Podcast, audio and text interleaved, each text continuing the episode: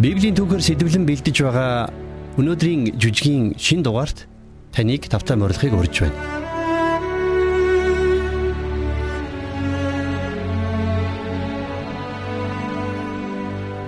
Өнөөдөр бид хамтдаа Диважингийн найдвар химээх цоврал жүжигээрээ Библийн Иохан номын 13 14 дугаар бүлгээс сэтвэлсэн Диважингийн амлалт гэсэн нэртэй шин бүлгийг хүлээн авч сонсох болно.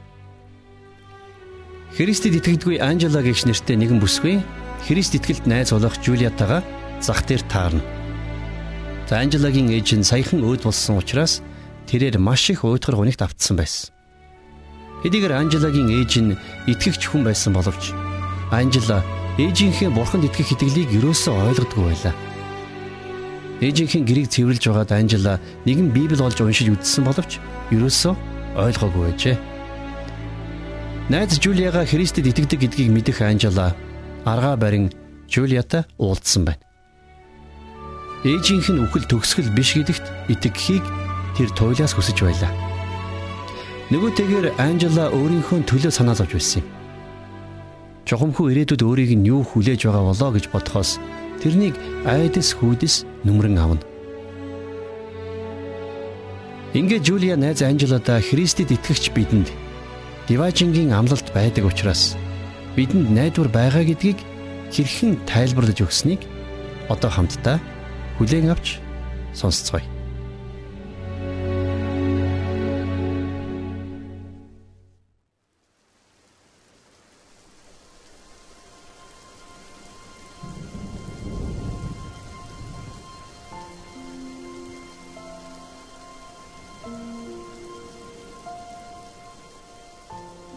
Би найз Анжелига ээжийнх нь оршуулган дээр хамгийн сүүлд харсан юм. Олон хүмүүсийн дунд Анжелиатай үг солих боломж надад гараагүй. Тэгээд ч найзынхаа тэр их уу гашууг харахтаа тэрнтэй ярилцах хэрэггүй юм байна гэдгийг ойлгосон юм. Тиймээс би найзыгаа удаан гихчин тэрврээд удахгүй уулзъя гэж хэлсэн. Гэхдээ тэр өдрөөс хойш өнөөдрийг хүртэл найзтайгаа холбоо барьж чадсангүй. Харин өнөөдөр найзтайгаа таарах үед тэрний нүдэнд нулимс цээлгэнж байгааг харсан билээ.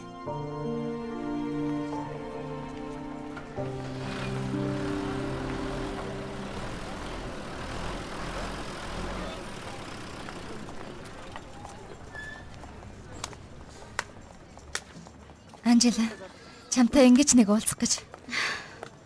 За тэгээд Яаж жоохон байна да? Жулиа минь дээ. Би одоо яах юм бэ? Ээж минь байхгүй. Би одоо яах юм бэ? Яац минь. Чамд ямар хэцүү байгааг би ойлгож байна. Алло, цүнхээ ишин тавьчих.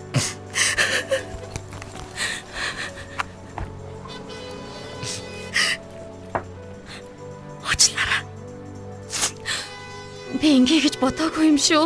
Зүгээр дээ зүгээр. Сэтгэлээ барьж дээлсэнгүй. Зүгээр миний найз. Би ч байнга л ойлгох юм.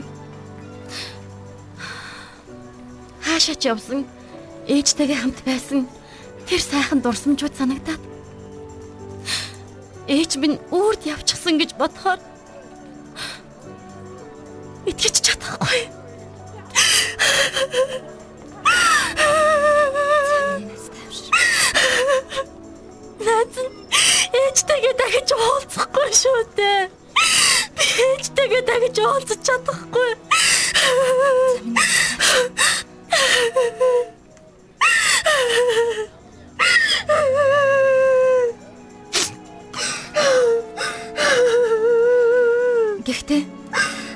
Анжела чи миний найз ээжтэйгээ дахиж уулзч болно шүү дээ. Юу гэнэ? Юу гэсэн бэ чи сая? Миний ээж өөд болчихсон штэ. Чи харсан биз дээ өөрөө. Тийм ээ тийм. Ээж чи өөд болсон. Гэхдээ ээж чинь Христэд итгэдэг байсан мэт дээ. Тийм ээ. Тэгэлгүй яах вэ? Тэр Иесус чинь итгэдэг байсан юм. Дандаа л тэр Иесусийнхаа тухай яриад би сонсдгоо байсан л да. Тэр цуглаа мөглөө магтан дуу энтрийг би ерөөсөө ойлгодогчгүй. Одоо тэгээд юу болсныг чи харал да. Ээж минь байхгүй болчихсон байна. Одоо би ойр ганцаараа үлдсэн. Чи харж байгаа үсттэй намайг. Анжела. Ээж чи одоо харин өмнөхөөсөө ч илүү сайн байгаа гэдэгт найз нь итгэлтэй байна. Чи юу яриад байгаа юм бэ, Жулия? Чи миний ээжийг оршуулгыг харсан биз дээ? Чи оршуулган дээр нь өөрөө ирээ биз дээ? Тэгсээ найз нь харсан. Гэхдээ ээж чинь энэ дэлхийг орхих үедээ Деважинд илүү сайхан газарт очисон.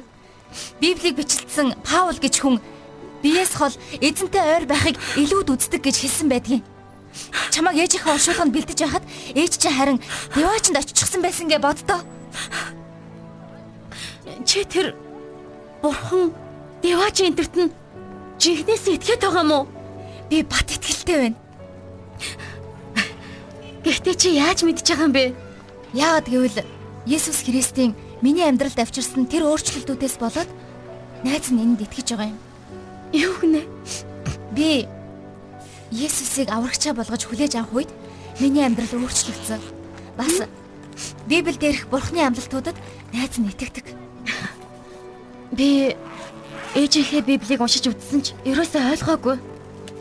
Чи тэгвэл энэ ишлэлийг ойлгох байхаа уншаад үзтээ. Юу нэ? Гэвч нүд үзээгүй, чих сонсоогүй. Хүний зүрх сэтгэлд ороогүй юмсыг Бурхан өөрийн хайрладаг хүмүүст бэлджээ. Гинү? Ойлгож байна уу? За та. Мм, тийм л юм шиг байна. Бурхан өөрийн хайрладаг хүмүүст юу бэлдсэн бэ гэдгийг бид нар төсөөлж чадахгүй гэж хэлж байгаа шиг байна. Мөн үү? Яг зөв. Ээч чинь одоо ямар сайхан газарт байгааг би төсөөлж чадахгүй гэсэн үг. Бид Диважингийн тэр сайхныг төсөөлж чадахгүй гэсэн үг шүү дээ. Гэхдээ мэдээж тэр газрын тухай Библи бидэнд илчилж өгсөн байдгийн. Энэ дараагийнх нь ишлэгийг унш та. За. Гэвч Бурхан үүнийг сүнсээр бидэнд илчилсэн юм. Ийм юм гарахлаар би ойлгохгүй болчиход байгаамаа. Тэгвэл найз нь чамайг завтай байвал Библиэлд юу гэж бичсэн байдаг? Бас Бурхны сүнс бидэнд Деважингийн талаар юуг илчилж өгсөн тухай ярьж өгье л дөө. Яагаад болохгүй гэж? Надад хийх ажил мянга байгаа ч гэсэн ээжээсээ хойш юу н юу ч хиймээргүй байдаг болчиход байгаа юм. Тэгээд наадах чинь тос болох чинь билүү? Тийм биз дээ. Өө ашгүй дээ. Тэгвэл найз нь чамд Иесус хамгийн ойрын дагалдагч нартайгаа сүүлчийн удаа зоог барихтаа ярилцсан тэр яриаг нь харуулъя. За. Есүс цовдлогдож оршуулгадаад үхлээс амьлахын өмнөхөн болсон үйл явдал гэсэн үг шүү дээ. Аа. Есүс өөрийнхөө үхэлд дагалдагчдынхаа сэтгэл зүйг бэлтгэх гэж бас үхэл бол төгсгөл биш гэдгийг тэднэрт ойлгуулах гэж энийг ярьсан. Үхэл бол төгсгөл биш харин эхлэл. Аа?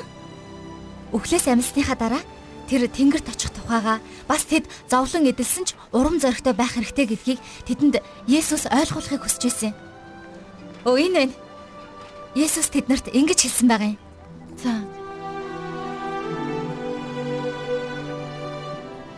Хэдийгээр Есүс энэ үгсээ хэдэн мянган жилийн өмнө хэлсэн ч тухайн үед дагалдагчдад урам зориг өгч байсан тэр л үгс өнөөдөр ч бас итгэгч бидэнд итгэл найдварыг өгсөөр байна. Энэ үгс Анжелагийн зүрхэнд ч бас хүрээсэй гэж би залбирч байна.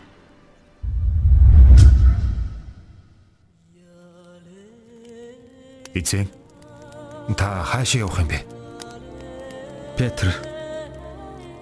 Миний явах газарт чи одоо намайг дагж чадахгүй. Харин чи хожим дагна. Зүрхээ бүү шаналга. Бурханд итэг. Мөн надад итэг. Миний эцгийн герт орон байр олон бий.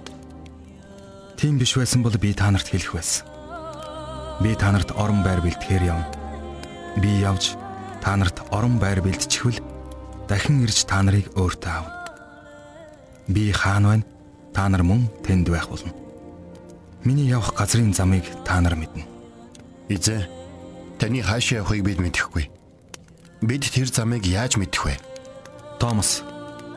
Би бол зам, үнэн ам мөн. Хинч надаар дамжилгүйгээр эцэгт хүрэхгүй. Та нар намайг мэдсэн бол эцгийг минь мөн мэдэх болно. Одооноос эхлэн та нар түүнийг мэддэг болов. Мөн түүнийг харсан. Эзэн бидэнд эцгийг харуулаач. Энэ л бидэнд хангалттай. Би та нартай хамт ийм удаан байхад чи намайг таньж мэдсэнгүй гэж юу Филиппэ? Намайг харсан нь эцгийг харсан. Гэтэл бидэнд эцгийг харуулаач гэж чи яаж хэлнэ вэ? Сая Есүс юу гэж хэлсэн бэ? Ямар утгатай маш хааш явах юм гэж ойлгосон бэ? Хэзээ мэдсэн одоо хэд яах вэ? Бид яг ингэж болох юм. Би та нартай хамт байхдаа үүнийг хэллээ. Харин туслагч буюу миний нэрээр эцгийн минь илгээх ариун сүнс та нарт бүгдийг заах бөгөөд та нарт хэлсэн бүгдийг минь сануулах болно. Амар амгаланг би та нарт үлдээн. Амар амгалангаа би та нарт өгнө. ертөнцийн өгдгөөс өөрийг би та нарт өгч байна. Өр зүрхээ бүү шаналга. Бүү төгшөцгөө. Би яваад та нар руу ирнэ гэж хэлсний минь та нар сонслоо. Хэрв та нар намайг хайрлсан бол эцэгтэй очиж байгаад минь баярлахсан. Учир нь эцэг надаас илүү агуу юм. Болох үед нь та нарыг итгүүлэхийн тулд болохоос нь өмнө үүнийг та нарт би одоо хэллээ.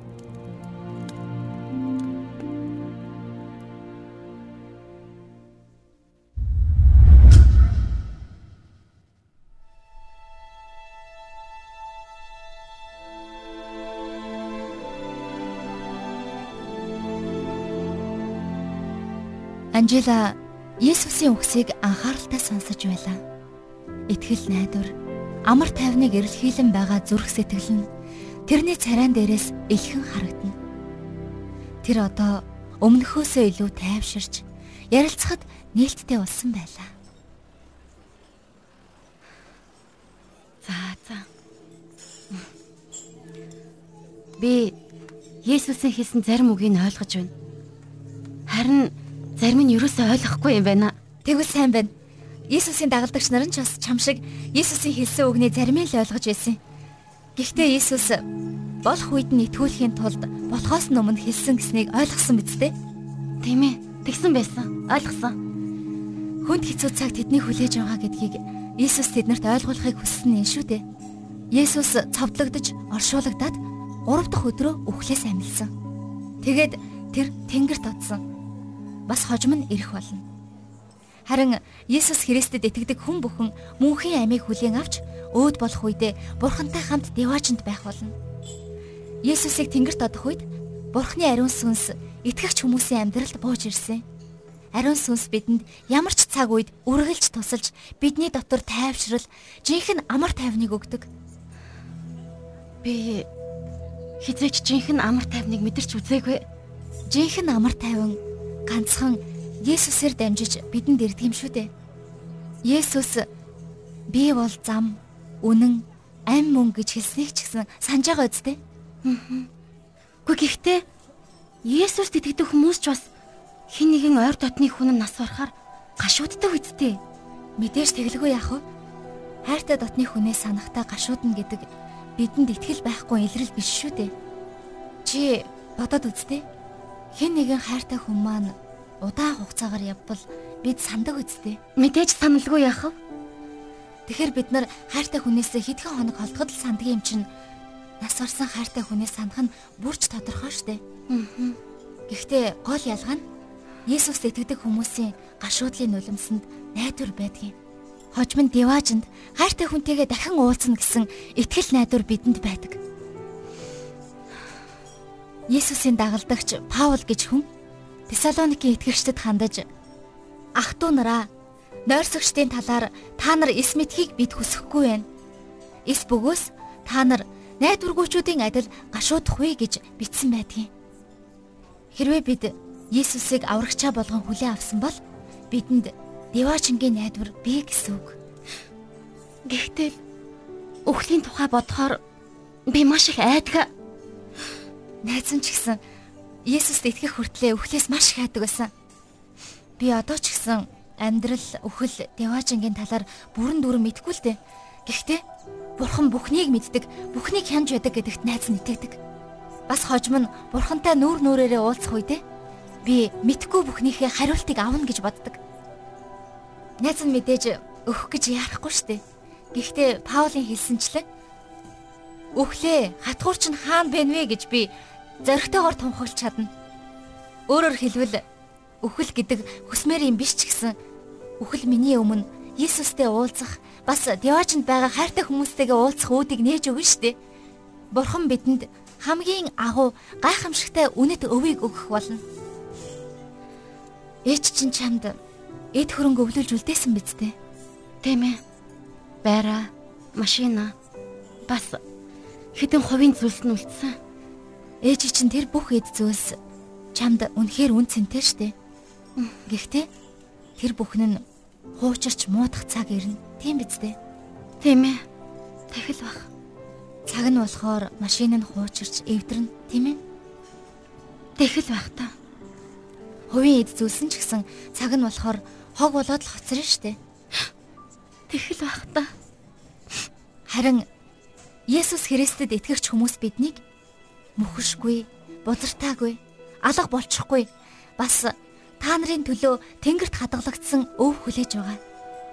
Энэ дэлхий дээр хамгийн үнэтэй санагдах зүйлс ч бидний деваачнд хүлээж байгаа тэр бүхний дэргэд юу ч биш гэд чи боддоо. Библиэлд бас Хэрвээ бид хүүхдүүд нь юм бол өв залгамжлагчд нь ч бас мөн. Бурхны өв залгамжлагчд бөгөөд Христийн хамтран залгамжлагчд юм гэж хэлсэн байдгийн.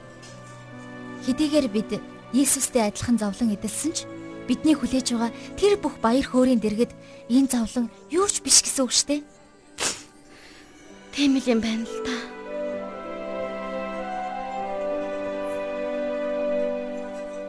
Би Анжелагаа маш их өрөвдсөн.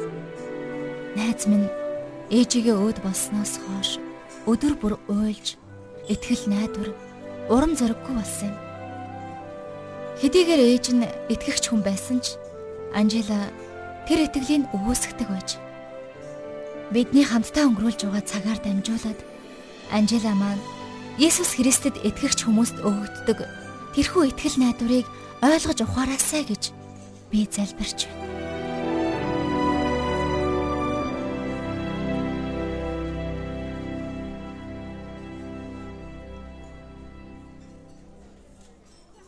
Анжела. Ээж эн чинь ажил явдлын үеэр пастрын ярьсан нэг жишээг чи санаж байна уу? Юу вэ? Бид далайн эрэг дээрээс холдон одож буй хөлөг онгоцыг хараад явчихлаа гэж боддогч. Нөгөө эрэг дээр байгаа хүмүүсийн хувьд ирж явна гэж хэлэн шүү дээ. Ээж чинь өөд болох үед яг л ийм юм болсон. Ээж чинь энэ амьдралыг орхиж явах үед дээр диваажинд тэрнийг угтаа авч байсан гэсэн үг шүү дээ. Яг тийм юм болсон гэж чи үнэхээр ихтэлтэй байна уу? Итгэлгүй яах вэ Анжела? Яг ийм биш байж болох ч гэсэн үхэл гэдэг бол энэ мөнх бус амьдралаас мөнхийн амьдрал руу шилжих шилжилт төдий зүйл шүү дээ. Итгэгч бид бурхантай хамт деваажинд мөнхийн мөнхөд амьдрах болно. Тийм болохоор л Паул миний хувьд амьдрах нь Христ, өөхөх нь ололт юм гэж хэлсэн байдгийг. Тэр нь юу гэсэн үг юм бэ? Паулын хэлж байгаа санаа нь Тэрнийг амьд байхад нь Христ хамт байдаг боловч хэрвээ тэр үхэх юм бол Бурхантай илүү ойр дотн харилцаатай болно. Бурхантай мөнхөд хамт байна гэсэн үг. Итгэгч бидний хувьд иргэний харьяалал тэнгэрт байгаа шүү дээ. Бид нас барах үедээ тэнд очино. Есүс бидний энэ амьдралд бидэнтэй хамт байдаг.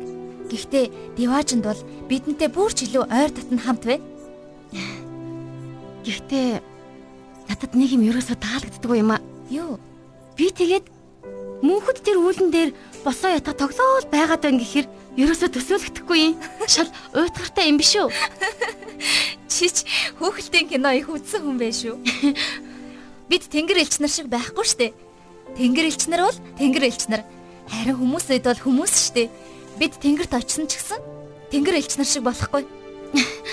Тэгвэл болж л байна өдөржин босоо ята тоглоод суугаад байна гэж бодохоор л хэцүү санагдаад ах юм. Тэгвэл найз нь чамд хэлэх нэг сайхан мэдээ байна. Чи тэнд өдөржин босоо ятах тоглохгүй. Мэдээч деваачнд бид бурхныг магтан дуулах болно. Гэхдээ чи өөднө гэж айлтгүй. чамд амьдралд чинь хизээч битгий дуусаасаа гэж бодмоор тийм сайхан үйл явдал тохиолдож байсан уу? Байлгүй яхав. Ээж бид хоёр Апалачийн уулсаар явган хэлж байсан юм. Тэр мөчийг би хизээж битгий дуусаасаа гэж бодож байж байлаа. За тэгвэл Анжела. Апалачийн аялал чинь Диважингийн дэргэд юу ч биш гэж бод. Тийм үү? Тий. Тэгээд хамгийн гоё нь Диважинд бид мөнхөд байх болно. Бид бурхантай бас бие биетэйгээ төгс ив нэгдэл дотор байх болно. Аа. Бид нар ажилласан ч, магтан дуулсан ч, хөгжимдсөн ч хизээч уйдахгүй. Бид хизээч яарч сандрахгүй. Яагаад гэвэл бид тэнд мөнхөд байх болно. Тэнд цаашид үхэл гэж байхгүй. Гашуудах, уйлах, өвдөх гэж үгүй болно. Бурхан бидний дуртай бүхнийг тэнд бүтээсэн байгаа. Тэгэхээр бид Диваажинд хизээч дуусахгүй баяр хөөр дунд амьдрна гэсэн үг шүү дээ. Наад чинь харин сайхан сонсогдож байна шүү. Тэгэлгүй яах вэ Анжела? Надад итэг. Үгүй биш ээ. Бурханд итэг. Үнэхээр сайхан байх болно. Баярлалаа Жулия. Надад цаг гаргасанд маш их баярлалаа. Сэтгэл санаа минь хамаагүй дээрдчихлээ. Ашгүй дээ. Хэд хоногоос дахиад уулзаж ярилцвал сайхан л байна.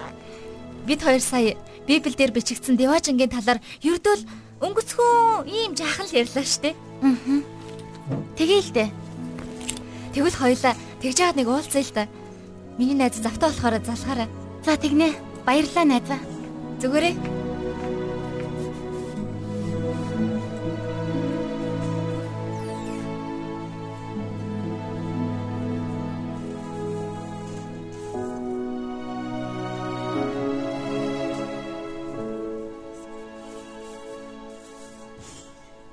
Хөөрхөн Анжела маань ээжигээ өөд болсноос хойш ямар ч ихтгэл найдвар урам зориггүй болсон юм.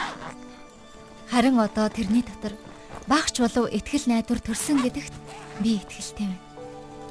Ээжийнхээ очсон тэрхүү Диваачингийн талаар илүү ихийг олж мэдэх хүсэл тэрний дотор төрөөсэй гэж би залбирна.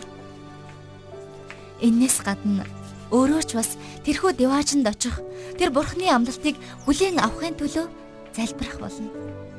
Эс тэгвэл найз минь бурхан эзнээсээ хайртай ээжээсээ Есүс Христэд итгэсэн хайртай дотны хүн бүрээсээ үрд мөнхөд тусгаарлагдах болно шүү дээ. Би найзтайгаа дахиад уулзахаараа Диважингийн тухай болон тэрхүү Диважинг бидэнд бэлгэлдэг Есүс Христийн тухай найздаа заавал илүү дэлгэрэнгүй ярьж өгөх болно.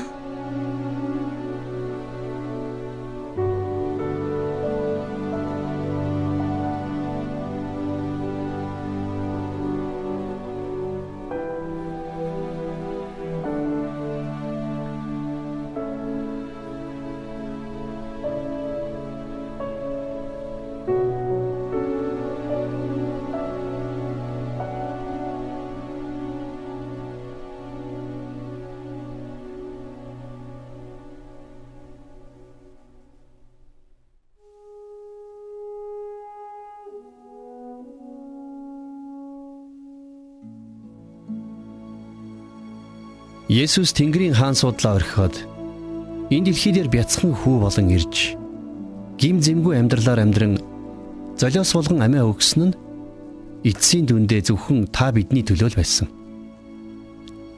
Христ Есүсийн золиосоор дамжуулаад түүнд итгэсэн бүхэн мөнхийн амийг авах боломжтой болж байгаа юм.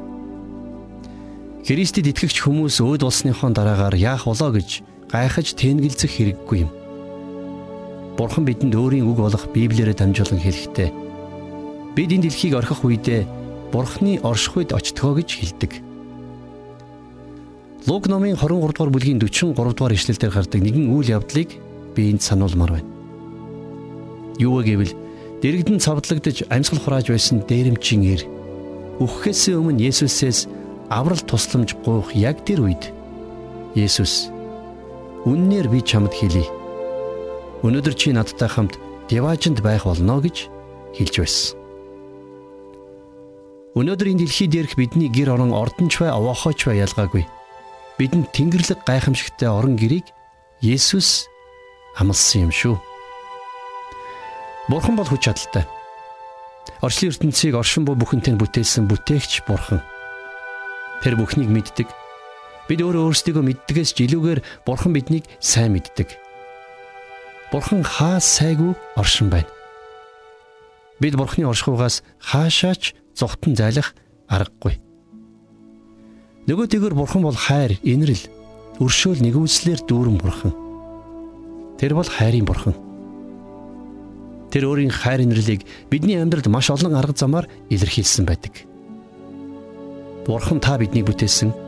Ч учраас бид Бурханы хувьд маш онцгой хүмүүс. Бурхан та биднийг мөнхийн хайраараа хайрладаг. Библиэр гардаг нэгэн хүнийг Бурхан анд нөхрөө хэмээн дуудсан байдаг. Бурхан Мосетэй яг л хүн найзтайгаа ярилцах мэд ярилцдаг байсан. Тэгвэл Бурхан бас та бидний ч найз болох боломжтой. Бид ч бас түүнтэй найз нөхөртөөгөө ярилцах мэт ярилцаж болно. Орчлын ертөнцийг бүтээсэн тэр агуу бурхантай бид хэрхэн ярилцах вэ? Өдөр бүр бидэнд хайр инэрлээ үзүүлж байдаг тэр бурхантай бид хэрхэн харилцах вэ? Есүс бидэнд сонс Израиля бидний бурхан эзэн бол ганц эзэн мөн гэж хэлсэн. Тэр цор ганц эзэн бурханы хайрыг та хүлээж авахгүй гэж юу? Би одоо бурханд хандан чин сэтгэлээсээ залбирах гэж байна. Та миний залбирахыг сонсоорой. А тэгээд дараа нь надтай хамт залбирч болно. Бурхан минь Та бол бүхий л хүч чадлыг эзэмшигч агуу бурхан учраас таньд талархъя. Та бол хайр бас өршөөл инэрлийн бурхан учраас би үнэхээр баярлаж байна. Та намайг бүтээсэн бас намайг онцгой гэж тооцдог учраас намайг өөрийн агуу хайраар хайрлсан учраас би танд талархаж байна. Есүсийн нэрээр. Амен. За одоо энэ энгийн бөгөөд э, чин зүрх сэтгэлийн залбирлыг та надтай хамт хийгээрэй. За би ихлэ залбирая та намайг дагаа залбираарай. Бурхан минь. Та бол бүхий л хүч чадлыг эзэмшигч агуу бурхан. Та бол хайр өршөөл инэрл нэгүслийн бурхан учраас таньдаа талархъя. Та намайг бүтээсэн. Бас намайг онцгой хэмээн тооцсон учраас би баярлаж байна. Намайг хайрлсан таны агуу хайранд чинь талархаж байна. Есүсийн нэрээр Амен. Энэ залбирлаар надтай хамт залбирсан танд баярлалаа. За би дараа дараагийн дугаараар Бурхан за бас биднийг хайрлсан Бурханы хайрын талаар илүү их суралцах болно.